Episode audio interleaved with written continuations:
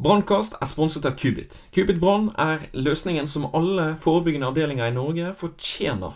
Automatisert, rask, Tilda-integrert, og ikke minst ser det kjempefett ut. Sjekk kubit.no for mer informasjon og book en demo.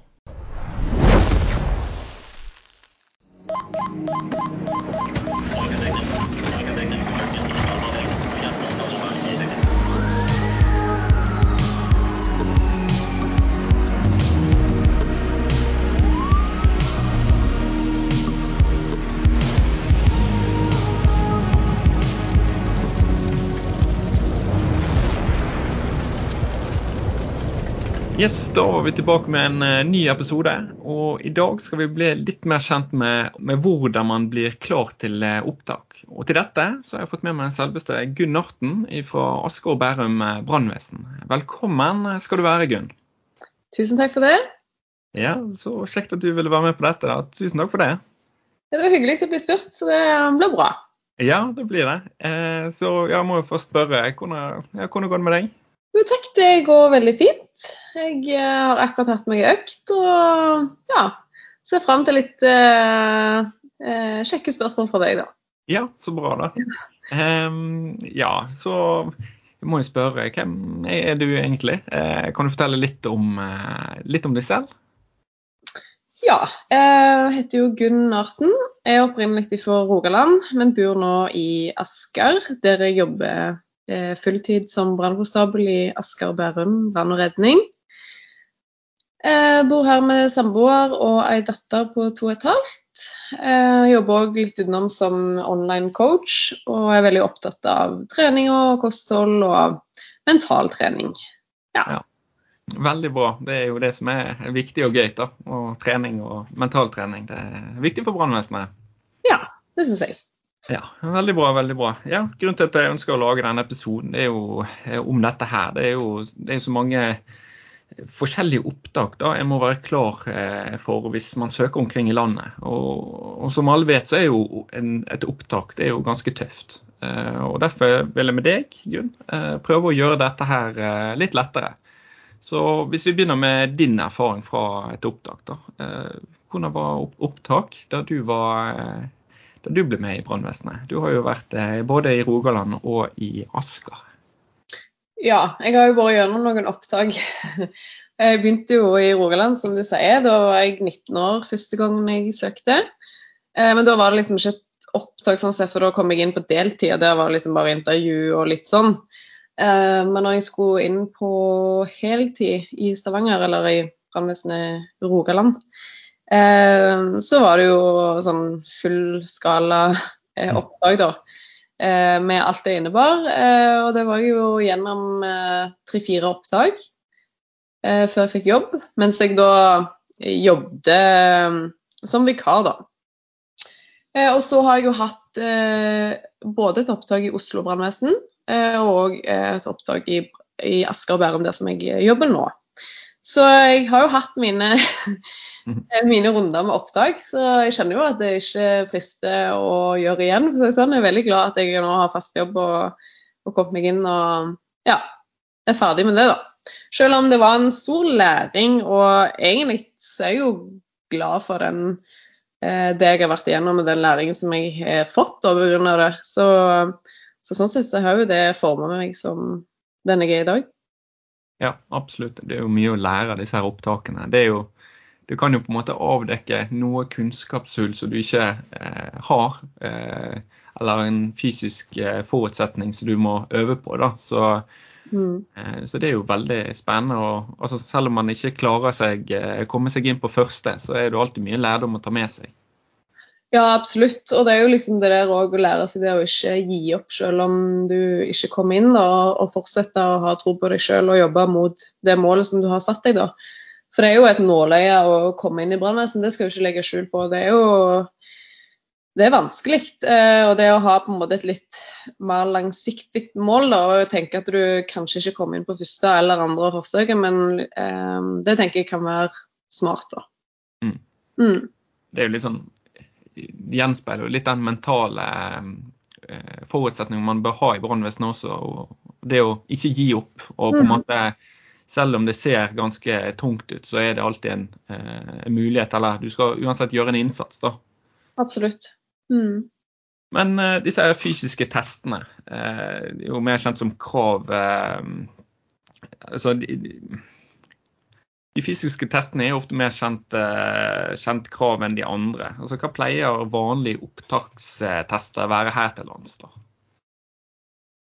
Ja, Det testene som jeg har vært, eller det oppdraget som jeg har vært, da har det jo alltid vært røykdykkertesten som har vært en del av det. Og så har det alltid vært en løpetest og en styrketest av de fysiske tingene. da. Eh, og når jeg var på opptak i Stavanger, da hadde vi òg svømming. Eh, for der er det jo redningsdykkere, så der må du på en måte ha svømming i tillegg, da. Eh, men det hadde jeg ikke når jeg var i Oslo eller Asker Bærum, da. Nei. Nei, for der trenger ikke de å, trenger ikke å kunne svømme. Nei, det, de burde, altså jeg tenker jo kanskje at de burde teste at folk kan svømme uavhengig av om du skal være redningsdykker eller ikke. For sånn som i Asker Bærum, så har vi jo um, vi har jo overflateredning. Altså, du, og du, altså som brannkonstabel så bør du jo kunne svømme. Så, men det er jo kanskje det at jeg ikke kan ta absolutt alle.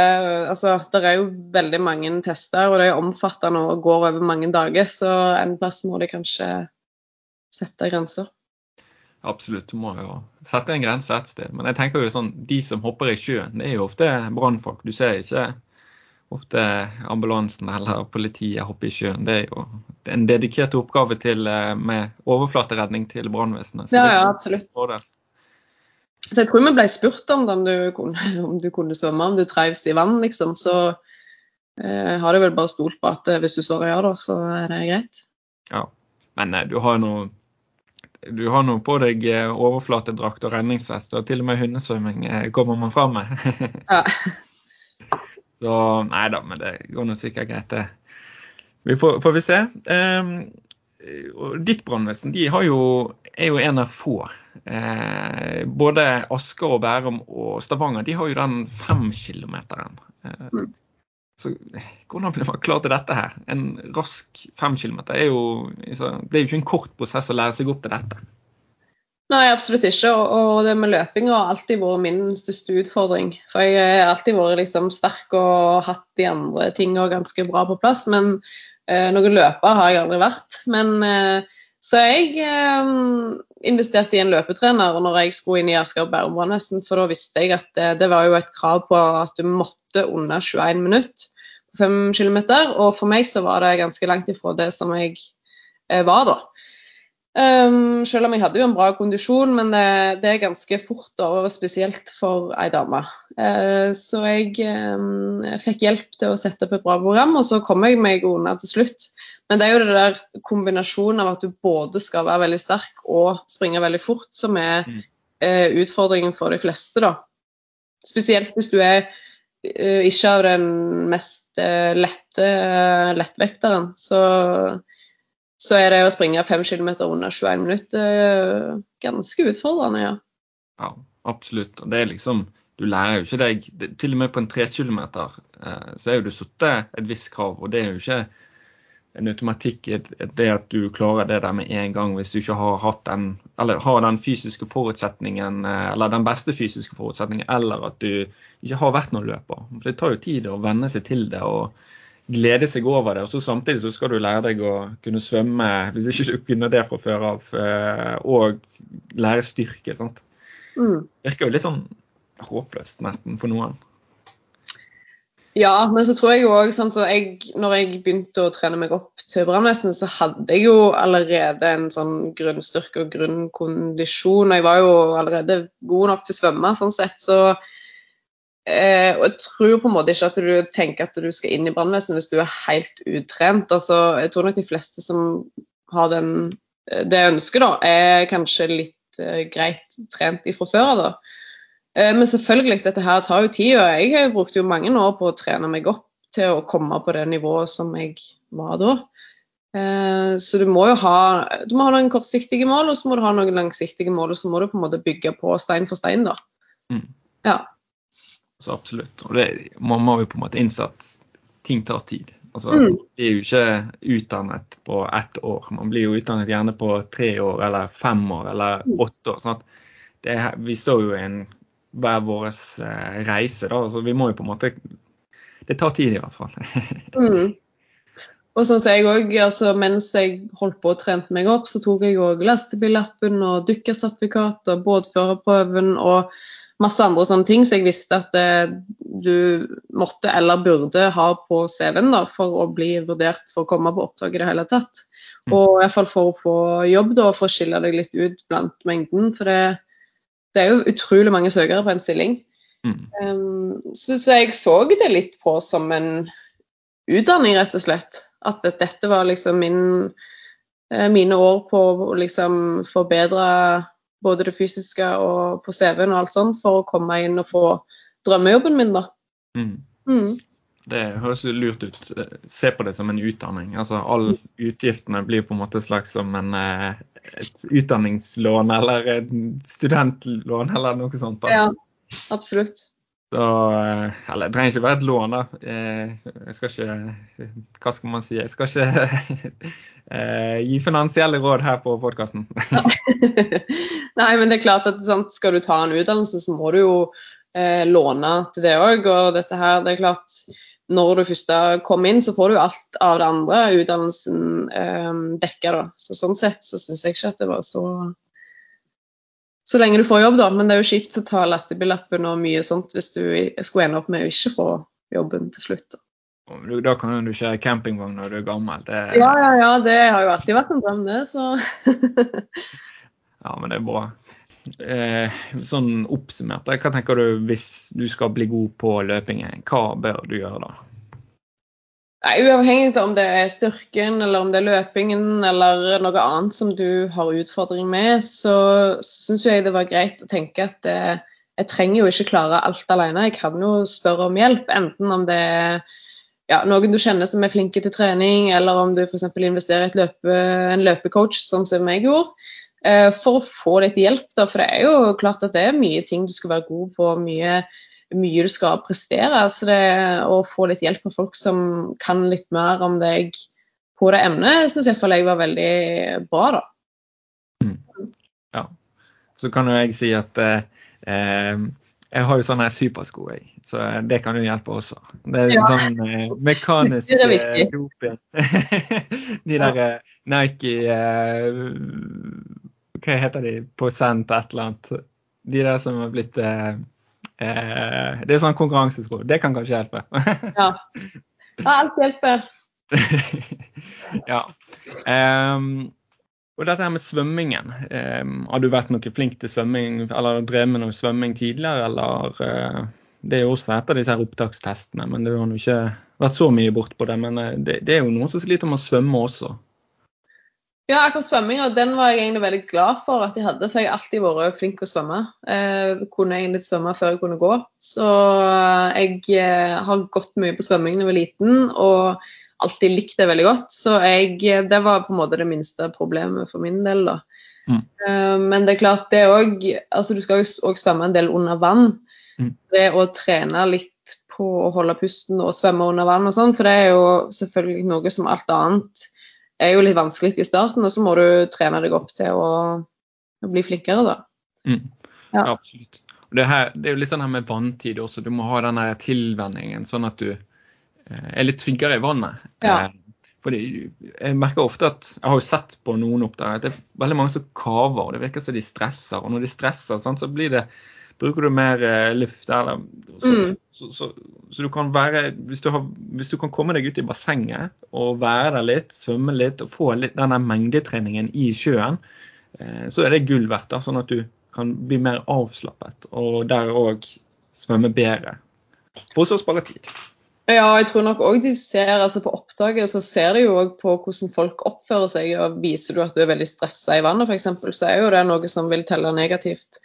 Eh, så det å bli komfortabel og alt du gjør på en måte utenom testene òg, blir jo vurdert. Eh, så det er absolutt noe å ta med seg. Mm.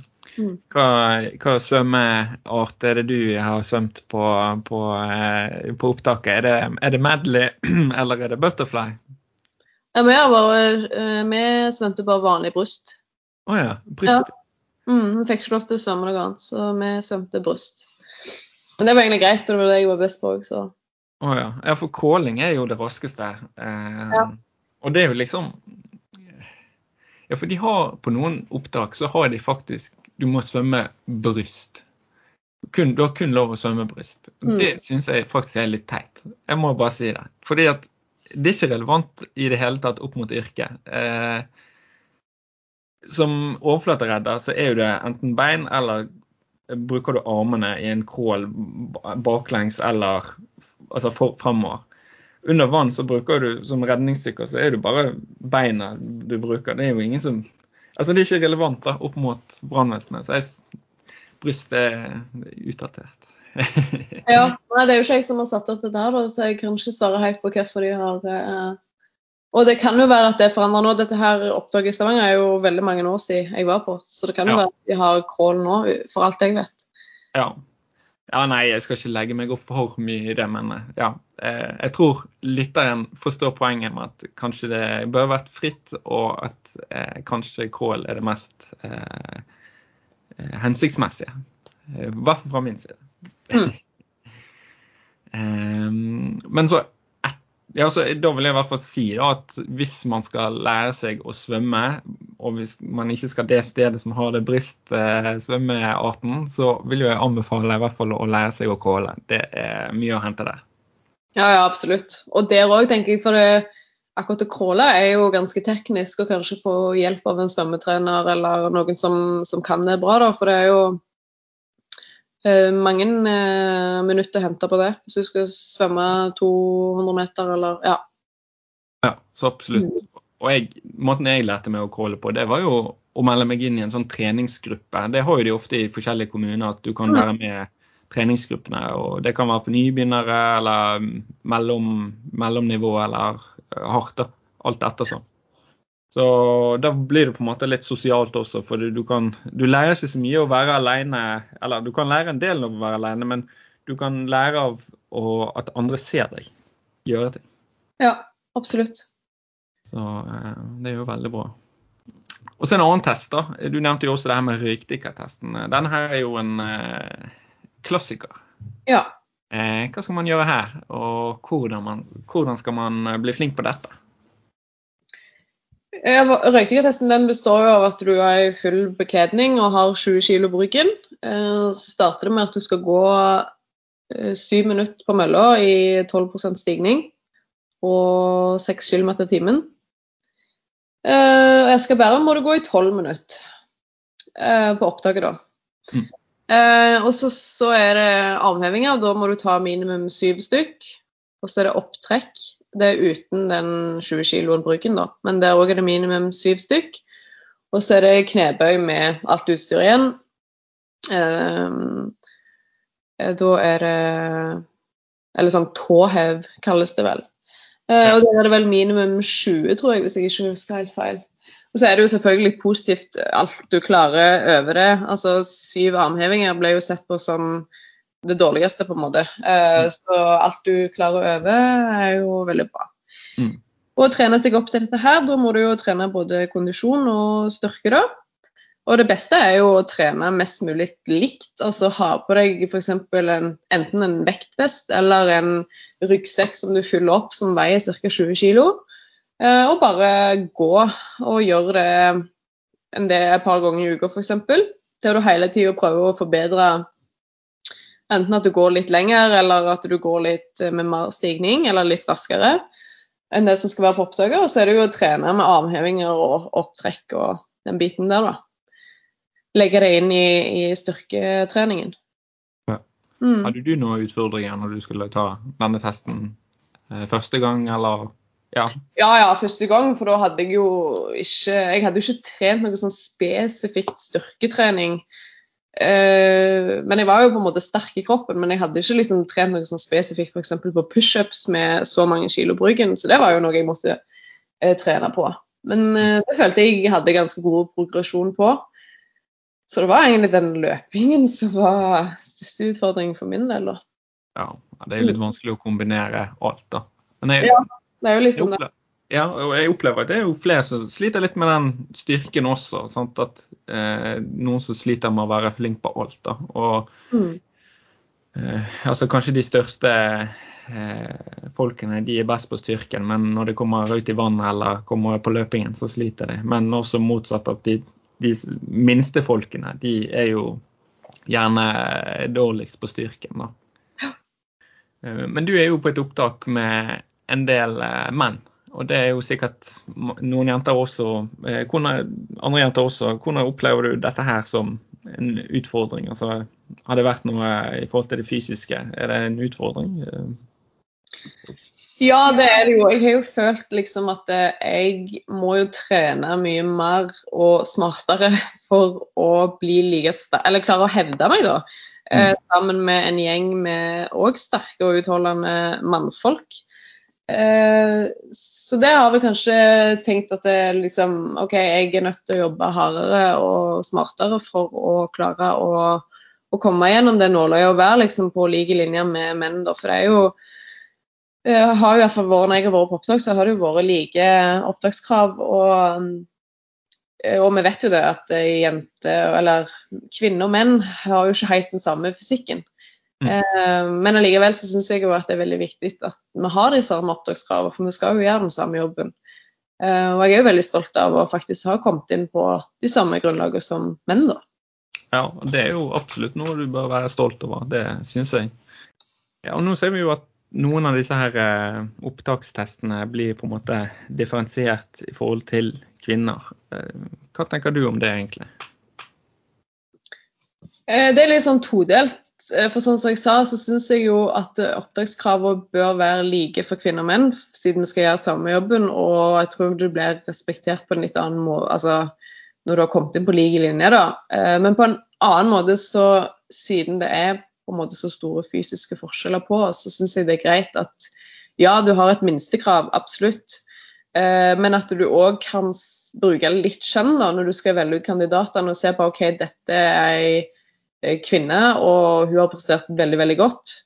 Men kanskje ikke altså at du kan Sånn som på løpingen da, i Asker og Bærum, så har du jo differensiert eh, på 5000-meteren at det, det er 21 minutt som er krav på menn, og 23 minutt som er krav for damer. Mm. Eh, og det er jo fordi jeg har sett at de klarer ikke å få inn eh, damer på 21 minutt som Eller det er kanskje noen damer som går videre der, men så kommer de ikke gjennom styrketesten, for de klarer ikke det i tillegg, da. Mm. Eh, Så det syns jeg er på en måte greit, da. eh, For um, i og med at det er så store fysiske forskjeller. og Jeg syns jo òg klarer du å springe under 23 minutter, så er du absolutt god nok til å jobbe i brannvesenet. Mm. Og da det er viktigere, syns jeg, da, å liksom se på helheten. Hva er det liksom det mennesket Ja, uansett om det er kvinne eller mann, da. Hva er det liksom helheten, hva er det den eh, har prestert over hele linja, hva er det har på CV-en, hvordan er den eh, personen som Altså, hvordan er den personen? Ja, Eh, så kvaliteter har en utenom det fysiske. Det syns jo jeg er på en måte viktig å se på helheten, da, eller om du springer på 21 eller 23 minutter på 5000, det tror ikke jeg har liksom noe å, å si i, i jobben som vi skal utføre. da. Mm, absolutt. Jeg tenker det samme som deg. at det, Vi må jo faktisk se på helheten og se hvem personen er. Eh, Ja. Kanskje det her er en lege for alt det vi vet. sant? Så, som kanskje ikke har den muligheten til å løpe så jækla fort. da.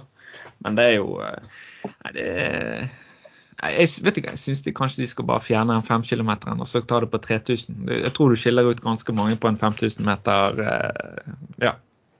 Kanskje det var det de skulle gjort. Jeg syns jeg er verdens verste distanse, så Hva til 5000? ja. Du? Åh, Ja. jeg hater den distansen. Så jeg, eh, ja, jeg syns det er mye bedre med 3000.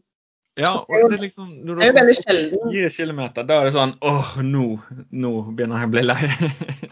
Ja, det er veldig sjelden at vi springer 5000 meter på jobb da, sånn i, i, i på oppdrag, så de kunne jo de kunne kanskje sett på Altså, De må jo måle at du har bra kondisjon, men jeg Mm. tenker jo om det er en 5000 eller 3000, så må jo det være ett fett. Og jeg tenker at det kanskje er viktigere at alle brannvesen har de samme type krav, da. At det ikke er 3000 der og 5000 der og ja. Jeg er absolutt Det enig. Det er jo, vi, må, vi burde klare å standardisere noe, sånn at eh, Mats fra Harstad kan søke hvor som helst og trene seg kun spesifikt opp til de kravene, istedenfor at eh, han må øve på det og det og det og det på forskjellige steder for bare å få seg en jobb i det yrket han ønsker. Mm. Så syns Jeg syns vi må begynne å tenke litt nytt, jeg, egentlig. Eh, og når du måler liksom det her med kondisjon, ja greit, 5000 meter, det er, jo, det er jo Du får jo målt det, men på et oppdrag så er det vanligvis også en 3 km og en røykdykkertest. Altså, da får du målt eh, kondisen bortover og så oppover. Altså, mer trenger vi egentlig ikke. Så putte på en to km til ser jeg egentlig ikke poenget i det. Men eh, det er ikke jeg som lager de testene, men jeg bare Nei, ikke jeg heller. Så Det er noe sikkert tradisjon som har blitt eh, holdt, holdt igjen. ja, det er nok det.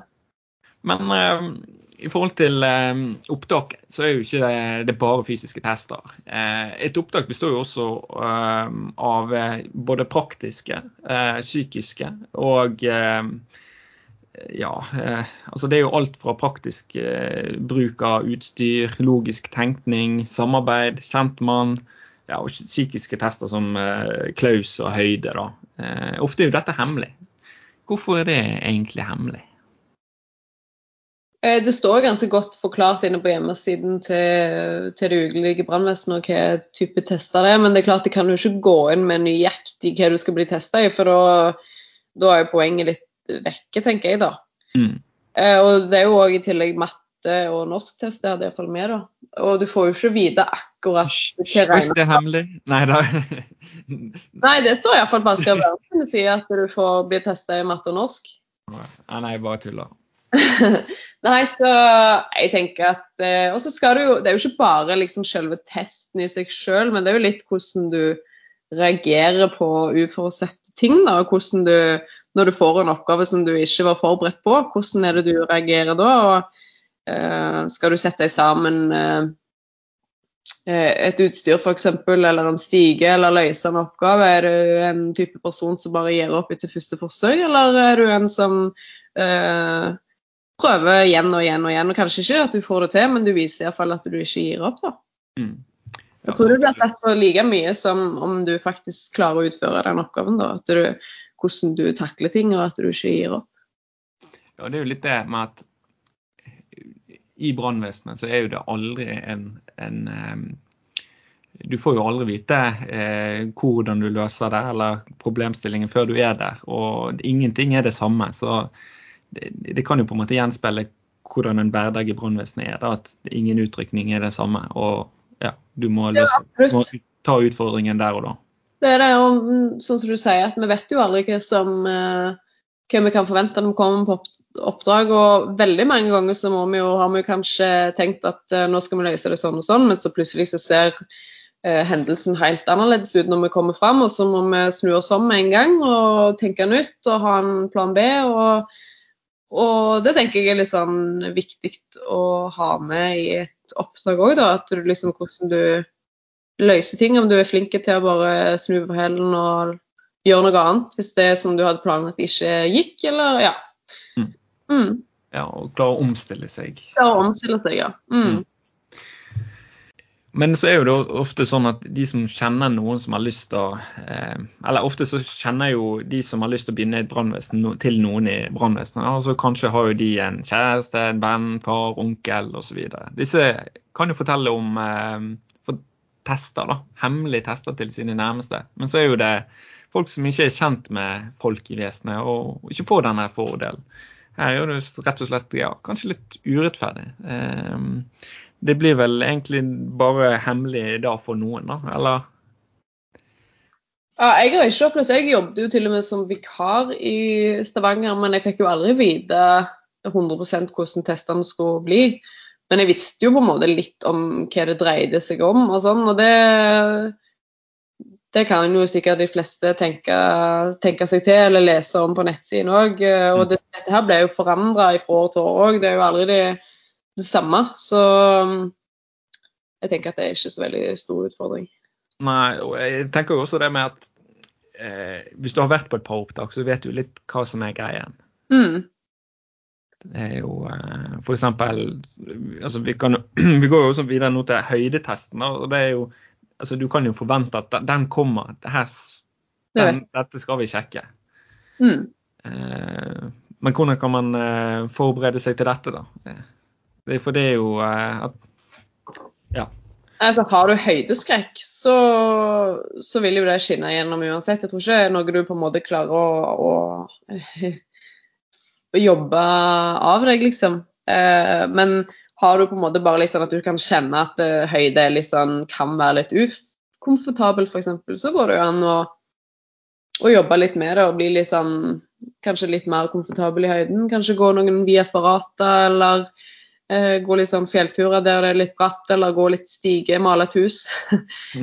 For å, å, kjenne litt på det da, og være litt sånn forberedt. Eh, men jeg tror nok hvis du virkelig har høydeskrekk, så kommer du ikke inn. Altså, det er jo, for det er jo et sånn må-krav. Altså, viser du at du har høydeskrekk, så, så blir du ikke tatt videre, da. Ja, så absolutt. Og det er liksom, Hvis du har høydeskrekk, så kan du jo Kan Ikke søke, liksom? Eller? Nei, men altså, du, du ser jo det fort på personen, eller du, ja, ja, ja. Personen merker det selv før han har begynt å gå i stigen. sant? Det er bare, ai, ai, ai. Ja. Men eh, jeg er jo enig i det du sier, at her må du på en måte teste det frem. Og det er liksom, Du skal kjenne litt. Det må vi huske, at man skal, man skal kjenne litt. For hvis du ikke kjenner det, da bør du, da bør du Når du er oppe i liften på 40 meter, du skal kjenne litt og det blåser. Det, det, skal være litt sånn ubehagelig, men det, det går jo litt av etter hvert. Sant? Og så er du tilpasset, akklimatisert nesten. Ja. Um, og en annen test, da. Denne Klaus-testen, klaustrofobitesten. Hvordan mm. blir man vant til det her, da? Det er jo litt samme greia her. For det er klart at eh, vet du at du har problemer med trange rom eller klaustrofobi, så så er det jo heller ikke en jobb for deg, da. Um, men det er klart at å være liksom inni et veldig trangt rom, mørkt rom der du ikke ser noe og kanskje skal gjøre en oppgave i tillegg, eller liksom eh, gå gjennom ei slags hinderløype, så, så, kan det jo være at det føles ubehagelig selv om du ikke har klaustrofobi, da. Uh, så hvordan du skal trene på det, er kanskje å prøve å være i et mørkt rom og liksom bare kjenne litt på hvordan det føles, og prøve å finne veien ut, f.eks., eller ja. Og Det er jo litt sånn, det, det, er jo veldig relevant i forhold til brannvesenet når du røykdykker, at du må faktisk ja. kjenne deg fram til hvor du er i rommet. da. Så, men det er jo veldig fint. Absolutt. Du har ikke hatt eh, eh Klaus, du da? Nei, jeg har aldri hatt verken det eller høydeskrekk, heldigvis. Så det føler jeg meg veldig Det var liksom aldri noe problem eh, på opptak og akkurat de tingene der. Mm. Og det var jeg veldig trygge på at jeg eh, takla fint. Ja. Jeg husker ett oppdrag. Der skal vi ta sånn Klaus-tester. og da jeg har jo vært så vant til å ta sånn Klaus-test i store rom, eller altså du skal krype litt. Men så kom jeg til et, et rør, da og hadde på meg, på meg røykdykkersettet. da. Og så skulle jeg gå gjennom røret med settet på. da. Og Jeg merket, jeg hadde ikke sjans i det hele tatt, men jeg prøvde fortsatt. bare, nei, kom igjen, kom igjen. Holdt på å sitte meg fast i røret. Det var jo eh, Så du må jo tenke litt òg, da.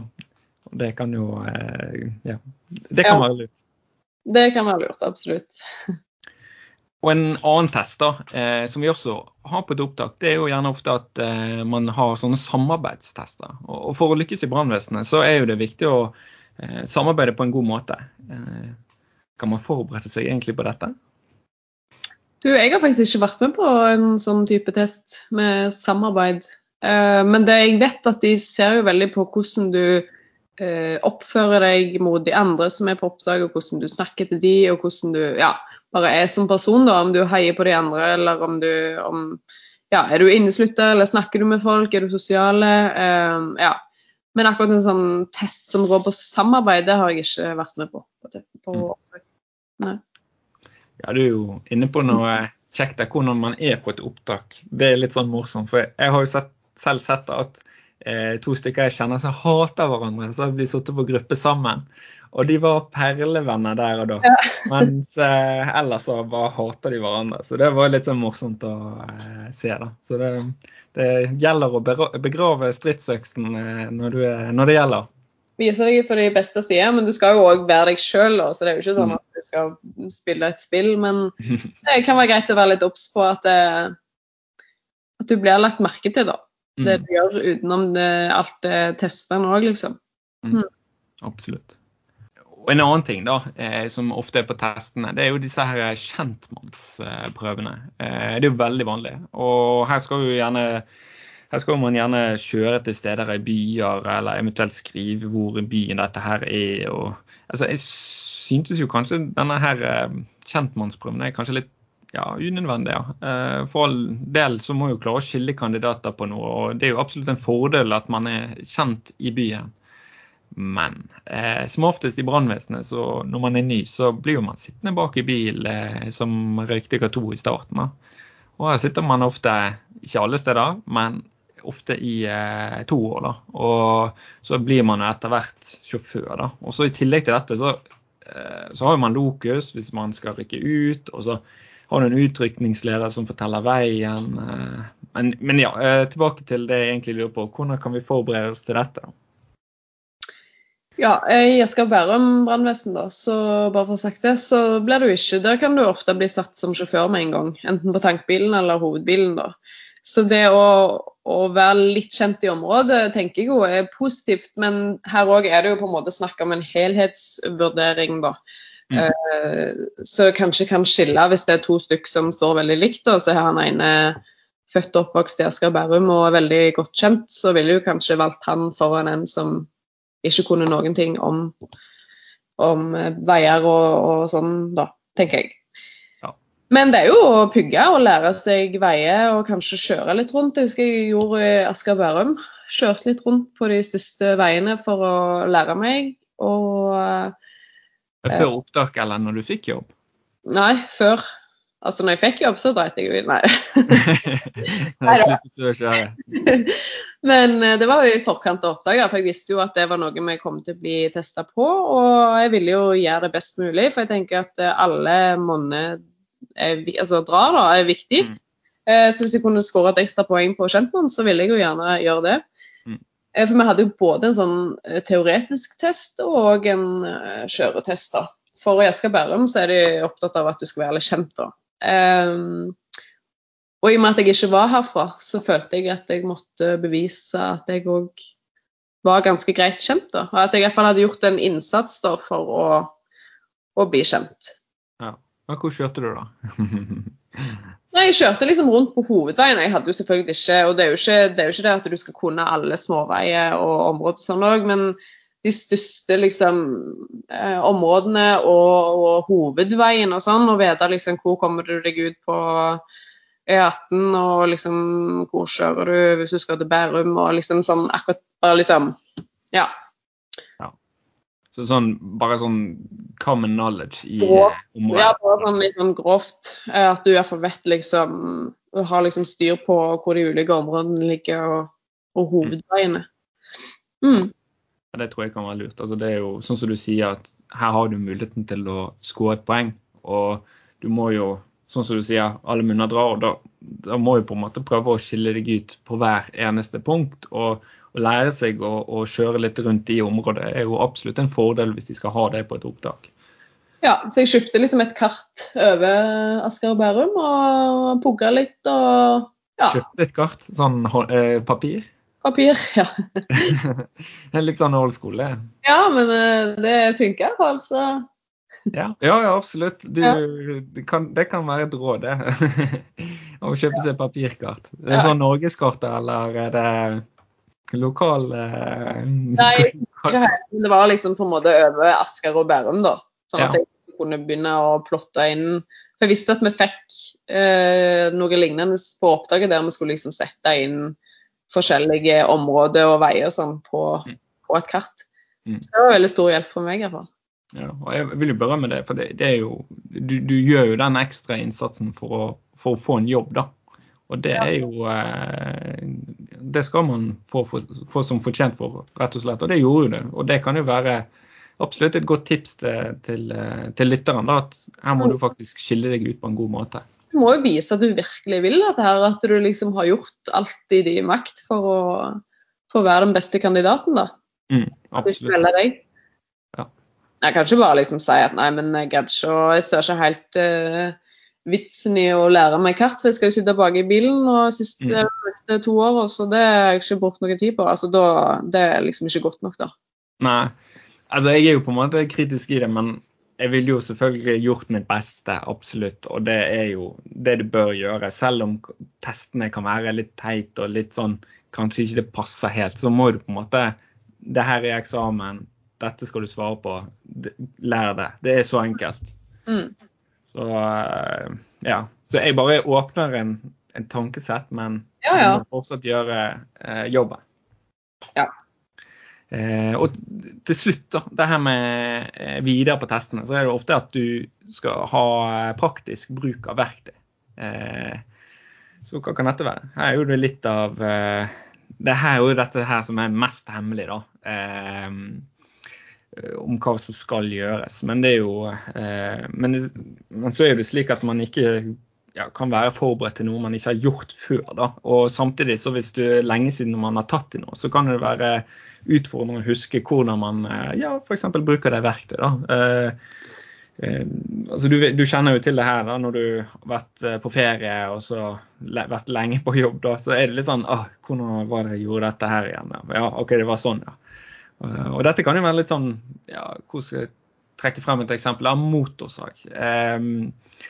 Det er jo ikke veldig vanlig å eie en motorsag, og, eller å bruke den.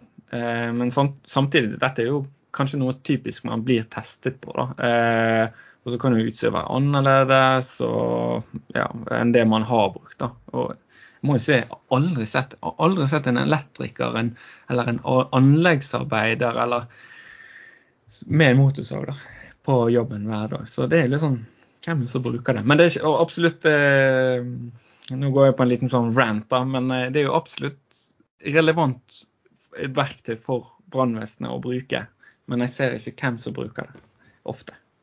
Så ja. Eh, jeg vet ikke hvor jeg ville hen, eh, Gunn, men eh, Nei, men jeg, skjønner jo tankegangen din, men her òg så tror jeg liksom at det handler litt mer om at du Hvordan du takler å få en oppgave, f.eks. sette sammen denne, mm. dette motorsagskjedet på denne motorsagen.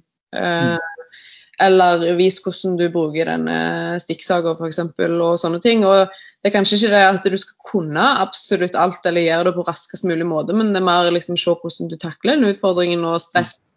Og om du gir opp, eller om du fortsetter videre hvis du ikke får det til på første forsøk. da. Mm. Um, og så er det jo som regel en del andre òg, liksom enkle ting. F.eks. Eh, at du skal sette navn på forskjellige ja, skrutrekker, hammer, ulike verktøy da, som kanskje veldig mange kan òg, da. Eh, men det er jo det å vise at du er litt praktisk anlagt. For som ofte er det kanskje at du skal sette sammen ting.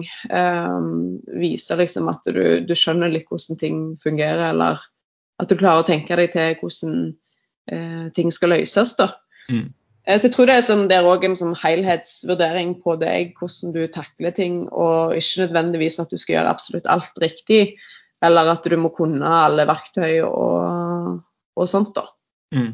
Ja, det er sånn som i stedet. Altså, det er jo gjenspeiler litt med brannvesenet at det er eh, en oppgaveløsning, og du, trenger, du er ikke alltid forberedt til det. Så det er jo egentlig så enkelt at du må bare ta den utfordringen du får, og gjøre det beste ut av det.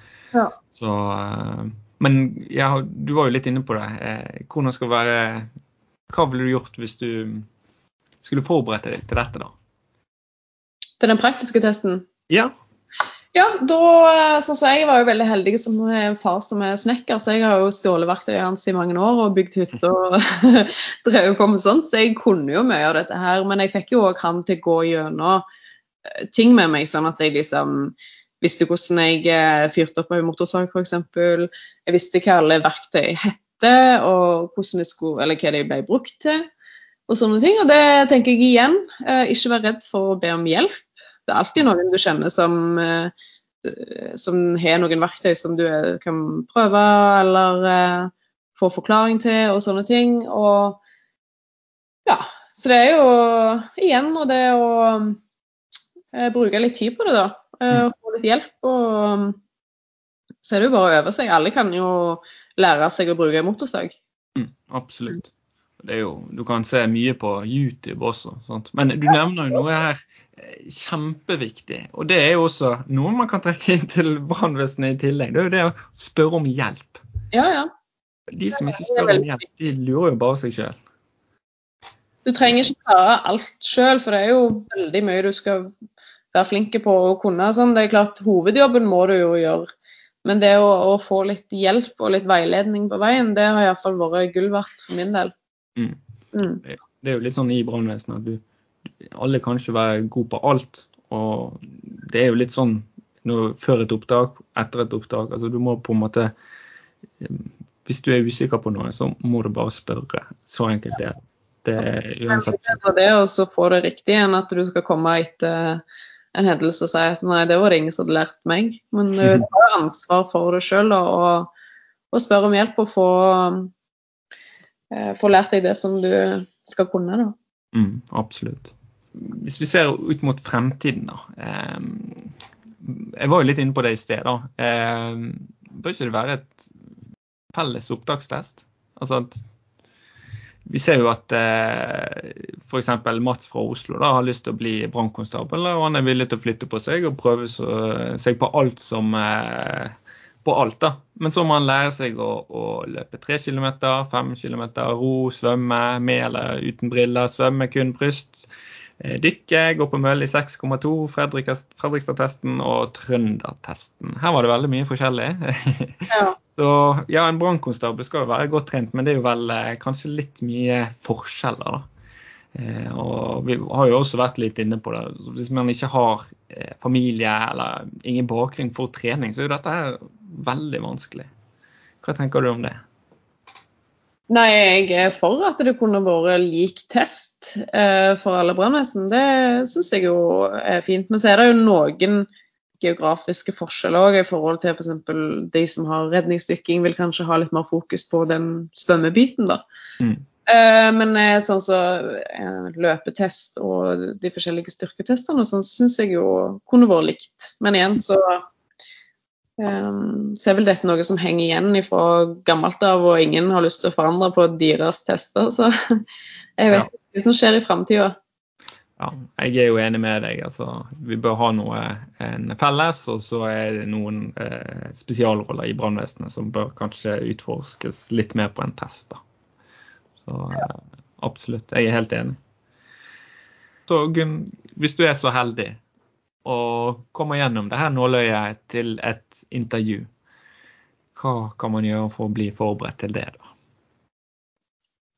Ja, det er jo å tenke gjennom kanskje litt sånn hvilke spørsmål kan jeg forvente meg, og eh, litt om Sånn at du kan komme med litt sånn reflekterte svar da, om både deg sjøl og hvordan du er som person, og hva du ønsker å oppnå med en eventuelt jobb i brannvesenet, og hva du kan bidra med og sånn. Eh, prøve å, slappe av best mulig og liksom vise deg fra de beste sider, og være og kanskje forberedt på at det kan komme noen utfordrende eller tøffe spørsmål. Uh, ja. Mm. Det er liksom det viktigste å prøve bare å vise hvem du er, da. Husker du ditt eh, første intervju? Ja, jeg har jo hatt noen intervju i Stavanger, og de har vært eh, altså Der var det jo på en måte mer en sånn samtale. Jeg, følte liksom at de ønsket å bli kjent med meg, så jeg syns det var veldig fint. Og samme i Asker og Bærum. Men i Oslo der eh, var jeg på oppdrag en gang og kom til intervju, og det er vel det verste intervjuet jeg har vært med på noen gang. Det var helt grusomt, for å være ærlig. altså. Det jeg ble helt satt ut av spill. Og jeg fikk veldig mange ubehagelige spørsmål. Og jeg syns okay. egentlig den måten å intervjue noen på er helt feil, da. For du får på en måte ikke blitt kjent med personen eller eh, får et sånn Ja, jeg følte ikke at jeg fikk svart noe bra på noen ting, egentlig. For eh, Mm. det, det var liksom bare ja, jeg ble liksom skikkelig satt ut. Og det har jeg hørt veldig mange andre som har sagt om de type oppdagelser våre der òg, eller intervjuer. Er det mer et avhør? Ja, altså jeg følte, meg, jeg følte meg så liten når jeg gikk ut derfra. Jeg tenkte òg at her har ikke jeg lyst til å jobbe, rett og slett. Det var Ja, så det, jeg vet ikke om de har forandret på det nå. Dette her er jo noen år siden nå, da. Mm. Men jeg bare, jeg ser liksom ikke helt poenget med å behandle folk sånn som de gjorde. da. Mm. Ja. Jeg ser jo den. Altså, det skal jo være en positiv opplevelse å komme seg inn i brannvesenet og komme så langt. Ja, Altså, eh, sånn som du sier med f.eks. Rogaland. Altså, at du følte at det, det skulle være en, en prosess der de ønsket å bli mer kjent med deg. Og det er jo sånn det skal være. Sant? At du skal få en god tone imellom. Du skal jo ikke sitte der og være redd, for de, de er jo egentlig framtidige venner. ja, ja, og kollegaer og sånn. Og liksom så, og når jeg skulle på opptak i Asker og Bærum, det var jo etter Oslo, da, jeg sto etterpå, og da husker jeg jeg var så nervøs. For jeg tenkte at herregud, nå kommer jeg til å bli grilla igjen. Men det var jo en helt annen opplevelse. Det var jo sånn som det var i Stavanger òg, men bare en hyggelig samtale. Jeg følte at de ønsket å bli kjent med hvem jeg var. Og, og det var jo selvfølgelig noen utfordrende spørsmål, og det er helt greit. Men det var liksom en helt annen tone, da. Og ja. Så det var, det var veldig bra. Så jeg håper jo at det er mest sånn, da, som det, som det er rolig. Mm.